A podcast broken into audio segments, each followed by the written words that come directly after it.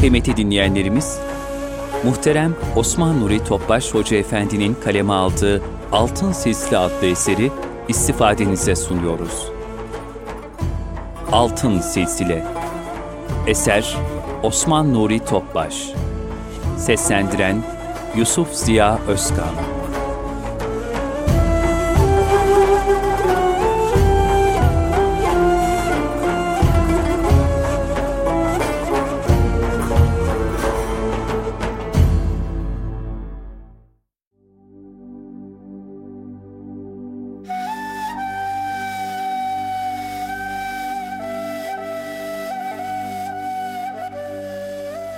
Altın Oluk yayınları sunar. Altın Silsile. Osman Nuri Topbaş.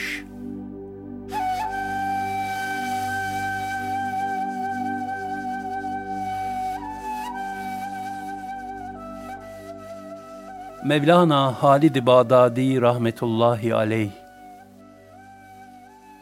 Güzel ahlakı ve faziletleri Halid-i Bağdadi rahmetullahi aleyh, devamlı Cenab-ı Hakk'a iltica ve tazarruh halinde bulunurdu.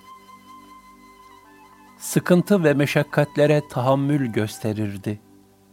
Hoş sohbetti, latifesi tatlı, konuşması huzur vericiydi. İzah ve açıklamaları gayet hikmetliydi. Kalbi metin, sözü açık, ve lisanı akıcıydı. Dullara ve yetimlere kol kanat gererdi. Daima İslam'a hizmet etmek ister ve her fırsatı değerlendirirdi. Şam'a hicret ettiğinde yıkılmaya yüz tutmuş pek çok camiyi ihya etti. Oraları namazların ikamesi ve evradu eskarla şenlendirir, ilahi emir ve nehilere riayet hususunda halkı irşad ederdi. Mevlana Halit rahmetullahi aleyh son derece heybetli ve vakar sahibiydi.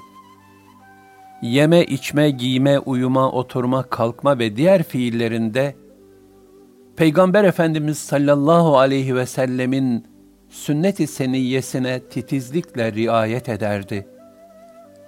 Hizmetlerinde bulunanlar onun herhangi bir sünneti veya ilahi emri terk ettiğini hiç görmediklerini ifade ederlerdi. Hatta takva sahibi bazı alimler, onunla bir sene beraber bulunarak, mescide giriş ve çıkışta daima sağ ayağıyla girdiğini ve sol ayağıyla çıktığını gördüler. Onlar da bir kez olsun, sünnete uymayan bir fiiline rastlayamadılar. Bu sebeple pek çok alim, Resulullah sallallahu aleyhi ve sellemin sünneti hususunda emin bir şahsiyet diyerek ona intisap etti. Halid-i Bağdadi rahmetullahi aleyh, cömertlerin sultanıydı. İhsan ve merhamet sahibiydi. Fakirlere, gariplere, yetimlere, son derece şefkatle infak ve ihsanda bulunurdu. Onların şahsiyetlerini hiç rencide etmezdi. Kötü insanlara bile çirkin söz söylemek istemez, ben lanetçi olmayı istemem buyururdu. Mevlana Halit rahmetullahi aleyh, ilim ve irfanda uçsuz bucaksız bir derya gibiydi. Buna rağmen hocaları ve arkadaşlarına karşı çok mütevazı davranır, çok iyi bildiği pek çok meseleyi bilmezlikten gelerek, gurur ve kibirden kendisini muhafaza ederdi. O, ilmiyle amel eden ulema için kamil bir örnekti. İbadetlerinde asla kolaya kaçmazdı. Kanaatkardı. Zamanını hiç boş geçirmez, en güzel şekilde değerlendirirdi. Her haliyle övülmeye layık, örnek bir şahsiyetti. Mevlana Halid-i Bağdadi rahmetullahi aleyh, yetiştirdiği talebelerinden kemale erip yükselenlerin her birini bir ülkeye gönderirdi. Böylece her tarafa şeriat, tarikat, hakikat ve marifet feyizlerinin dağılmasını temin yolunda büyük hizmet görürdü. Ölü kalpleri Cenab-ı Hakk'ın lütfuyla canlandırır, manevi bir bahar ikliminde yaşatırdı. Niceleri uzak diyarlardan gelip onun talebesi olmaya adeta can atardı. İrşadının bereketiyle kalplerdeki dünyevi temayüller bertaraf olurdu.'' Mevlana Halit Hazretlerinin nazarları çok güçlü ve tesirliydi. Bir gün yolda yürürken Cenab-ı Hakk'ın lütfu ve gönlüne verdiği ilhamıyla bir Hristiyana nazar eyledi. Hristiyan o anda manevi bir cezbeye kapıldı ve ağlayarak Mevlana Halit Hazretlerinin peşine düştü. Kendisini kaplayan hidayet heyecanıyla Hazreti Pir'in evine girdi ve o mübarek kapıdan Müslüman olarak çıktı. Gönlündeki sürur ve nur adeta yüzüne aksediyordu. Halid Bağdadi Hazretleri Cenab-ı Hakk'ın marifet ve muhabbetindeki ilahi lezzeti kulların gönlüne aşılamak için çok gayret ederdi. Nitekim şu manadaki beyti onun bu halini ne güzel tasvir eder. Gönlüm alev içinde, bağrım yanarak, sokak sokak kapı kapı dolaşırım. Kimse benim yar ve diyarımdan avare kalmasın diye uğraşırım.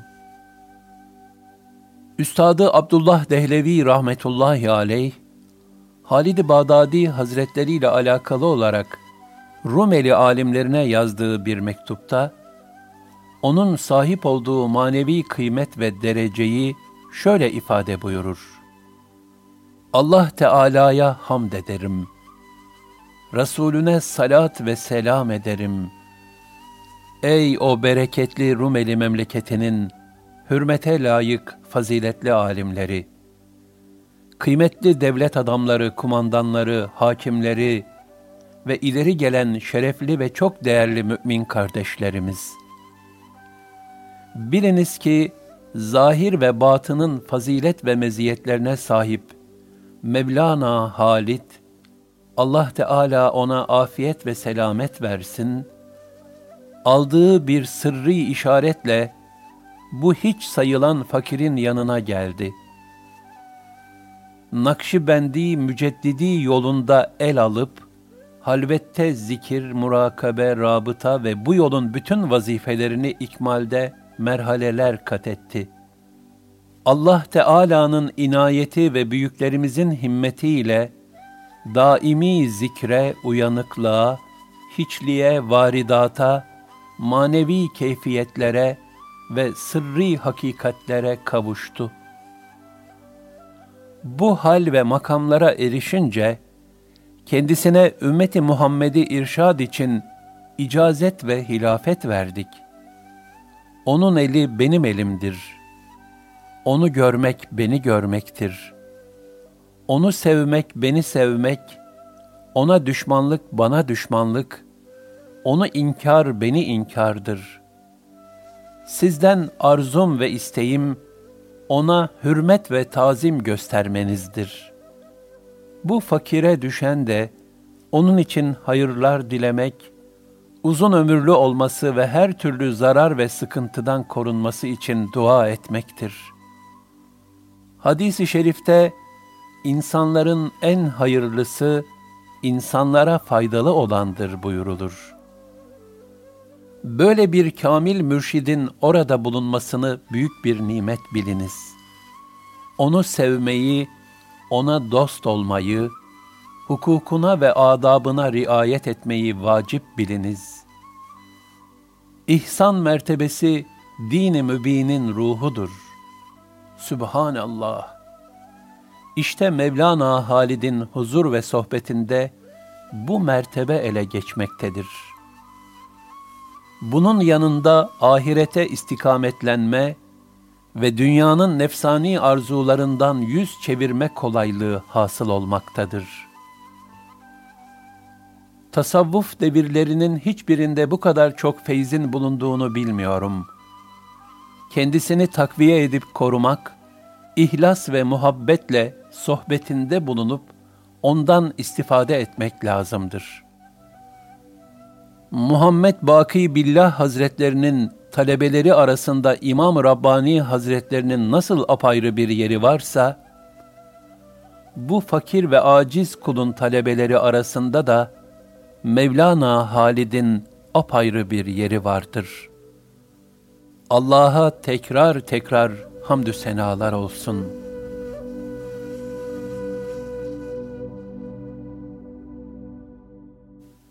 Tevazuda zirve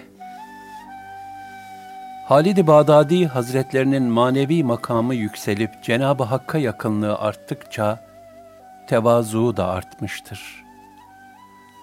Kalbini daima kontrol etmiş, gaflete düşüp de Cenab-ı Hak'tan uzaklaşmamak için her an teyakkuz halinde bulunmuştur. Hiçbir zaman nefsinden razı, hallerinden emin olmamıştır. Yine hiçbir zaman Allah'ın azabından kendini selamette görmemiş ve Rabbine kulluktan ayrılmamıştır. Bir kişi ondan, tarikat ehli birini, irşat kapısından tard etmesini istemişti. Halid-i Bağdadi rahmetullahi aleyh ona şu mektubu yazdı. Efendim, bu fakir kul, fasık bir mümin gördüğümde mutlaka onun benden daha iyi olduğuna inanırım. Çünkü onun imanı sabit, günahı ise benden gizlidir. Benim nefsimin kötülükleri ise bana aşikardır. Son nefeste kimin kurtulacağı meçhuldür. Nice fasık ve facir var ki, kamil velilerden olmuştur.'' nice vera sahibi salih kişiler de vardır ki, aşağıların en aşağısına düşmüşlerdir. Allah Teala'dan kendime, sana ve bütün Müslümanlara afiyet dilerim. Hasılı benden daha faziletli olduğuna inandığım halde, bir kişiyi bu yoldan tard etmem mümkün değildir. Hemen hemen her mektubunda, muhatabından son nefeste imanla vefat edebilmek, ve İslam'ı hayatın her alanına en güzel şekilde yansıtabilmek için dualar talep etmiştir. Bunlardan birkaç misal şöyledir. Sizden ricam, hüsnü hatime ile son nefesi imanla vererek Rabbime kavuşabilmem ve mahlukatın en hayırlısı sallallahu aleyhi ve sellemin sünnetine tabi olabilmem için dualarınızda beni hatırlamanızdır. Güzel ahlakınızdan ve şerefli tabiatınızdan ricam, bu miskini sünnet-i seniyeye istikamet üzere bağlı kalabilmem ve tertemiz İslam dini üzere ölebilmem için duadan unutmamanızdır. Mektupların cevaplarını yazmam için ısrar etme. İnsanların mektuplarıyla uğraştığımda, birçok hayırdan mahrum kalıyorum. Kim beni seviyorsa, hüsnü hatime ve sünnet-i seniyeye ittiba hususunda muvaffak olmam için dua etsin. Ben de aynı şekilde ona dua ediyorum. Fazla mektuplaşmaya hacet yok. Halid-i Bağdadi rahmetullahi aleyh, acziyetini ve kusurlarını hiç unutmaz, her an gözünün önünde tutardı. İnsanın kulluk yolundaki hata ve kusurlarına mazeret bulmaktan vazgeçmesi ve aczini itiraf edip istiğfara sarılması gerektiğini ifade ederdi. Bunu şiirlerinde şöyle dile getirmiştir. Dün akıl beni tenkit ederek, ey günahkar, yaptığın kötü işlerden dolayı iyice mahcup oldun dedi. Benimle akıl arasındaki mücadele sabaha kadar devam etti.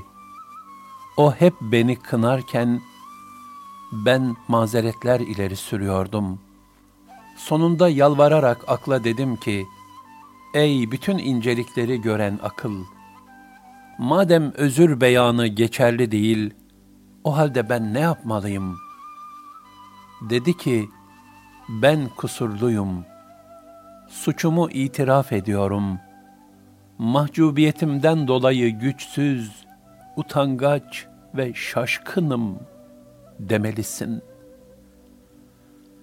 Benden salih bir amel asla sadır olmadı. Günahlarımsa o kadar çok ki sözle anlatılamaz. Ben kötü amellerimden dolayı utanmaktayım. Ne ihlasla yaptığım bir ibadetim var, ne de özür beyan edecek bir dilim. Ömrüm lüzumsuz ve dağınık işlerde boşa geçti, yazık. Hiçbir vakit kıyamet ve ahireti aklıma getirmiyorum, yazık. Zavallı ben, her an nefsani arzular üzerine bina kuruyorum. Bu sebeple amel sarayımın temelleri çok zayıf olacak, yazık. O koskoca ilim ve irfan deryası, ilahi azamet karşısında bütün varlığıyla hiçlik katresinin sonsuz ufuklarına dalmış, böylece hak katında gittikçe artan bir manevi zenginliğe ve erişilmez mertebelere nail olmuştur.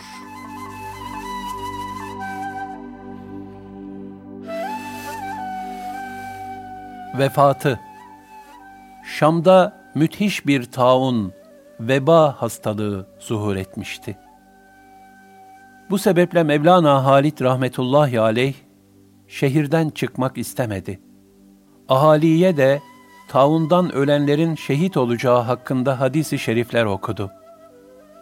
Bu esnada bir kimse geldi ve "Efendim, dua edin de bana taun bulaşmasın." diye yalvardı. Hazreti Pir dua etti ve bu şahsa taun hastalığı bulaşmadı. Efendim, kendiniz için de dua etseniz denilince, Rabbime kavuşmayı istememekten haya ederim buyurdu.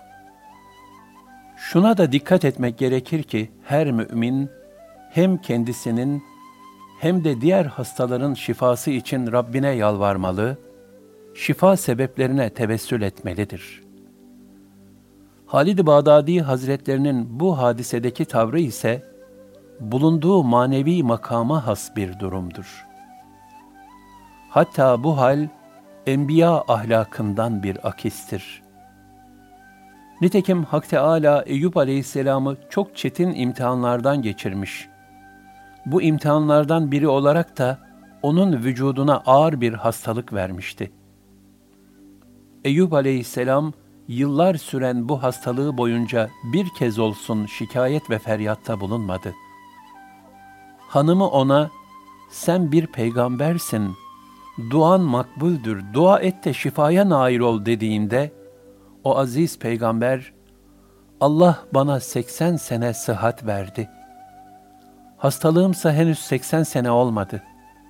Ancak birkaç senedir muzdaribim. Cenab-ı Hak'tan sıhhat talep etmeye teeddüp ederim buyurdu. Yani enbiya ve evliyanın Cenab-ı Hakk'a olan yakınlıkları sebebiyle sergiledikleri bu tavırlar, onların alemine has bir edep keyfiyetidir.''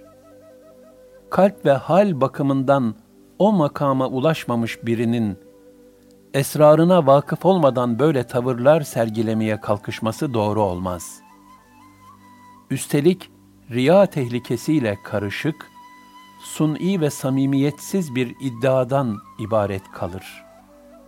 Bu sebeple bazı Allah dostlarından sadır olan söz ve davranışların nail oldukları hal ve makama has bir durum olduğunu daima göz önünde bulundurmak gerekir. Mevlana Hazretlerinin şu ifadeleri, yüksek manevi hal ve makamlara mahsus söz ve tavırları gafilce taklide kalkışan insanları ne güzel ikaz etmektedir. Sen önce kendinde İbrahimlik olup olmadığına dikkat et. Çünkü ateş yalnız İbrahim gibi Hakka layıkıyla teslim olanları tanır ve yakmaz. Oğullarından önce Bahaüddin, bir müddet sonra da Abdurrahman tauna yakalanıp vefat etti. Mevlana Halit rahmetullahi aleyh, evlatlarının definleri sırasında kendi rıhletinin de yakın olduğunu hissetti. Talebelerine kabrini hazırlamalarını söyledi ve nereye defnolunacağını bildirdi. Talebeleri bu emri yerine getirme hususunda gönüllerini saran ayrılık elemi sebebiyle biraz tereddüt ettiler. Bunu gören Mevlana Halit rahmetullahi aleyh, Şeyh Abdülkadir'i yanına çağırdı ve kabrimi muhakkak bugün kazın. Çünkü kazarken bir taşa rastlayacaksınız. Eğer onu kırmayı vefat günüme bırakırsanız, kabrimi belki vaktinde hazırlayamazsınız dedi. Emri derhal yerine getirildi. Bir gün Mevlana Halit Hazretleri, Şeyh İsmail Gazzi'ye, bütün kitaplarımı vakfettim buyurdu. O gün vefat eden ikinci oğlu Abdurrahman dolayısıyla taziyeye gelenleri kabul etti. Ziyaretçiler gittikten sonra Şeyh İsmail Efendi'ye, bugün yanımda kalınız dedi. Sonra da insanların Mevlana Halit keramet izhar ediyor demelerinden korkmasaydım, bugün bütün sevdiklerim ve dostlarımla vedalaşırdım. Öyle zannediyorum ki bu cuma gecesi büyük yolculuğa çıkıyorum buyurdu. O esnada kendisine getirilen yemeğe bakarak, bu ve bundan başka yemeklerden yemeyeceğim. Ölümü isteyen hem de yemek yiyen birini gördünüz mü hiç buyurdu. İbni Abidin Hazretleri şöyle anlatır.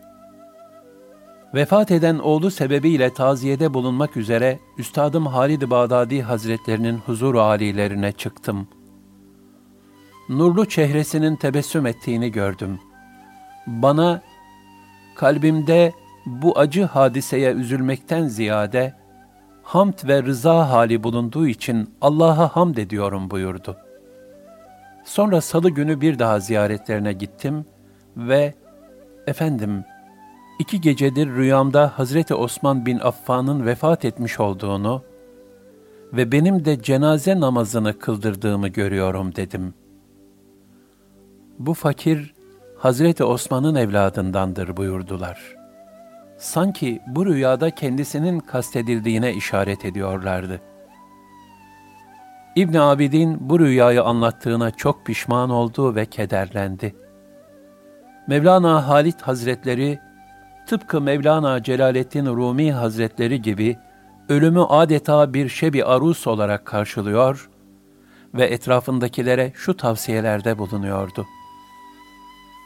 Malımın, arazilerimin, hatta evimin üçte birini hayır işleri için vasiyet ettim. Vasilerim, kabrimin yakınlarına hayrat olarak bir su sarnıcı yapsınlar.'' benim kabrime çocuklarım, akrabalarım ve halifelerimin kabirleri üzerine tazim ifadeleri olmadan ve lakap kullanmadan işaret koysunlar. Mesela bu kerim olan Mevlasının rahmetine muhtaç, filan oğlu filan en nakşibendi el müceddidinin kabridir gibi bir ibare yazsınlar.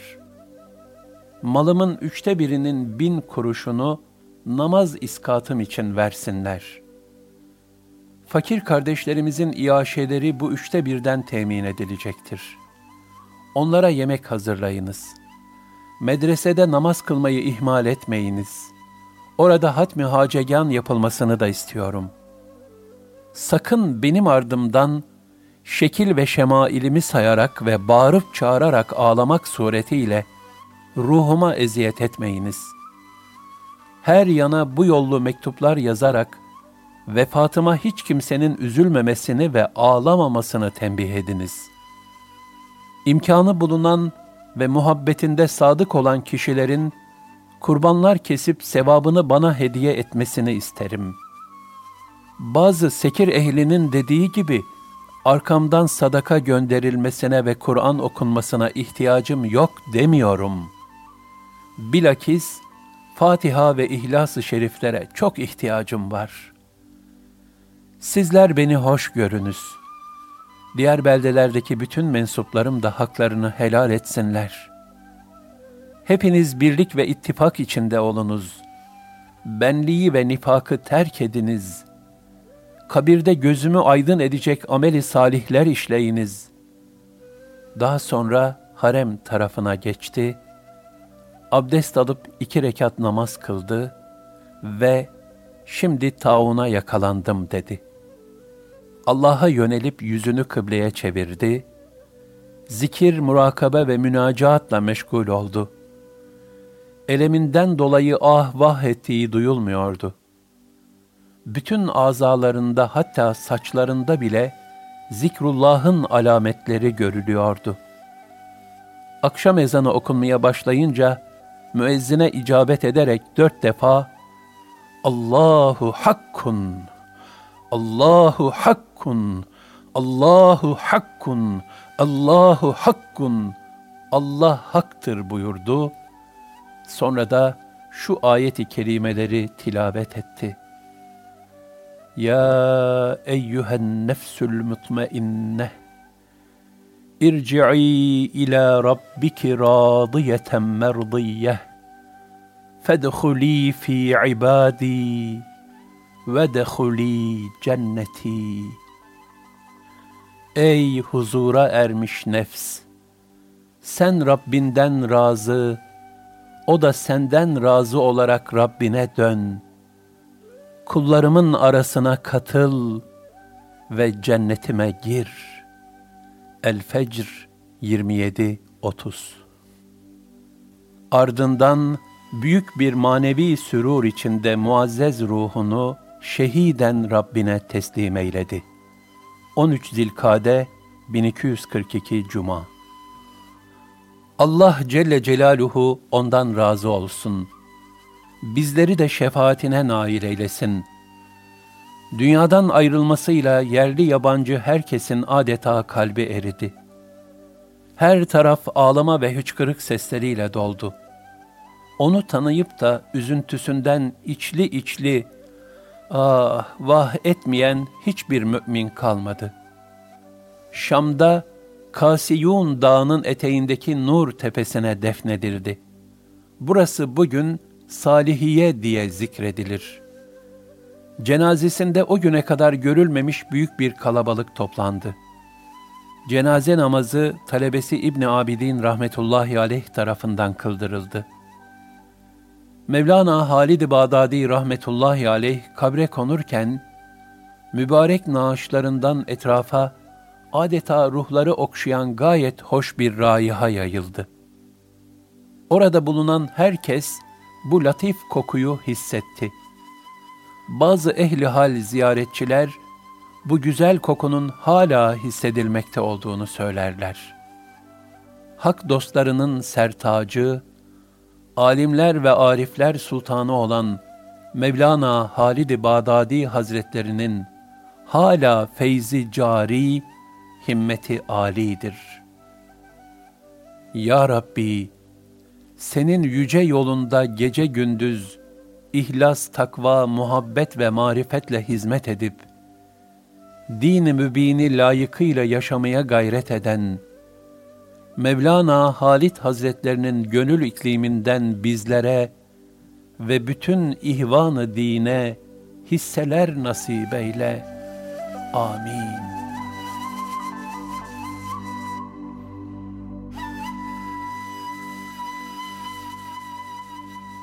Hikmetli Sözleri Şeriat alimleri ve müşahede ehli arif zatlar şu hakikat üzerinde ittifak etmişlerdir ki, bir kimsenin kendi nefsini beğenmesi, başkalarını hor görmesi ve diğer insanlardan daha takva sahibi olduğuna inanması, büyük günahların en büyüklerindendir. Şunu bilin ki, hakikatte dünya geçici bir gölge ve kulla Mevlası arasına giren bir perdedir. Kalbinde zerre miktarı dünya muhabbeti bulunan kişi, hakiki kul sayılmaz. Dünyayı kabuğuyla ve özüyle birlikte kalbinden atmayan kişi makbul değildir. Emir ve vezirlerin iyiliği, bütün insanların iyiliği demektir. Allah sizleri de o güzel haliyle süslesin. Onların bozulması da aynı şekilde bütün halkın bozulması demektir. Allah sizi o fena halden muhafaza buyursun. Peygamber Efendimiz sallallahu aleyhi ve sellem duayı herkese umumi olarak yapmamızı emir buyurmuştur. Hiç şüphe yok ki, tebliğ edilmese bile sufilerin adeti, kerem sahibi vezirlere, diğer bütün Müslümanlara ve İslam'a dua etmeye azami derecede itina göstermektir. Sizlere çokça zikretmenizi, devamlı Cenab-ı Hakk'a irtica etmenizi, fani dünyanın süslerinden yüz çevirmenizi, baki olan ahirete çok fazla rağbet etmenizi, ölümü ve kabirdeki yalnızlığı hatırlamanızı, hesap ve ilahi huzura çıkma günü için var gücünüzle hazırlanmanızı, sünnet-i seniyeye yapışmanızı, çirkin bid'atlerden yüz çevirmenizi, İslam'ın muzaffer olması, dinden dönen alçakların ve din düşmanlarının yardımsız kalması için dua etmenizi tavsiye ederim. Bütün fiil ve sözlerinizde kendi güç ve kuvvetinizden vazgeçerek, Allah'ın güç ve kudretine sıkıca sarılın. Her virdin bir varidi, gönle doğan ilhamı vardır. Batın ashabı denilen ilahi sırlara vakıf ariflerden, hatta nebilerden feyz alabilmek, üç ana sebebe bağlıdır.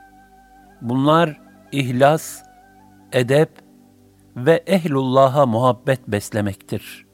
Zira feyz ancak ehlullah'tan alınır. Bir müridin kalbinde ihlas yoksa veya Evliyaullah'a karşı edebe mugayir hareketleri varsa, hak dostlarının feyiz dolu derunları bu müride meyletmez. Muhabbetse feyzin artmasına sebeptir. Bu üç şey bir kişide ne kadar çok olursa, o kadar fazla feyz almasına vesile olur. Halid-i Bağdadi Hazretleri meşhur Cibril hadisini şerh ederken, Cebrail aleyhisselamın gelip Resulullah sallallahu aleyhi ve sellem Efendimizin huzuruna diz çökerek, dizlerini Efendimizin dizlerine dayaması hadisesinden bahsederken şöyle buyurur. Cebrail aleyhisselamın böyle oturması adaba muhalif gibi görünüyorsa da, onun bu hali şu mühim hususları talim etmektedir. Dini bilgileri öğrenme hususunda utanmak doğru değildir. Üstada gurur ve kibir yakışmaz.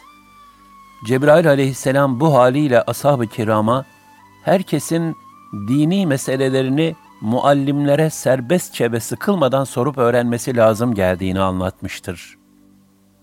Zira dini öğrenme, öğretme ve Allah Teala'nın hakkını ödeme hususunda haya edilmez. İslam'la şereflenen bir kişi nasıl olur da geceyi tamamen uykuya verip Allah Teala'nın emanetini muhafaza etmez? Cenab-ı Hakk'ın bize en mühim emanetlerinden biri seherlerde kalkıp kıyama durmaktır.''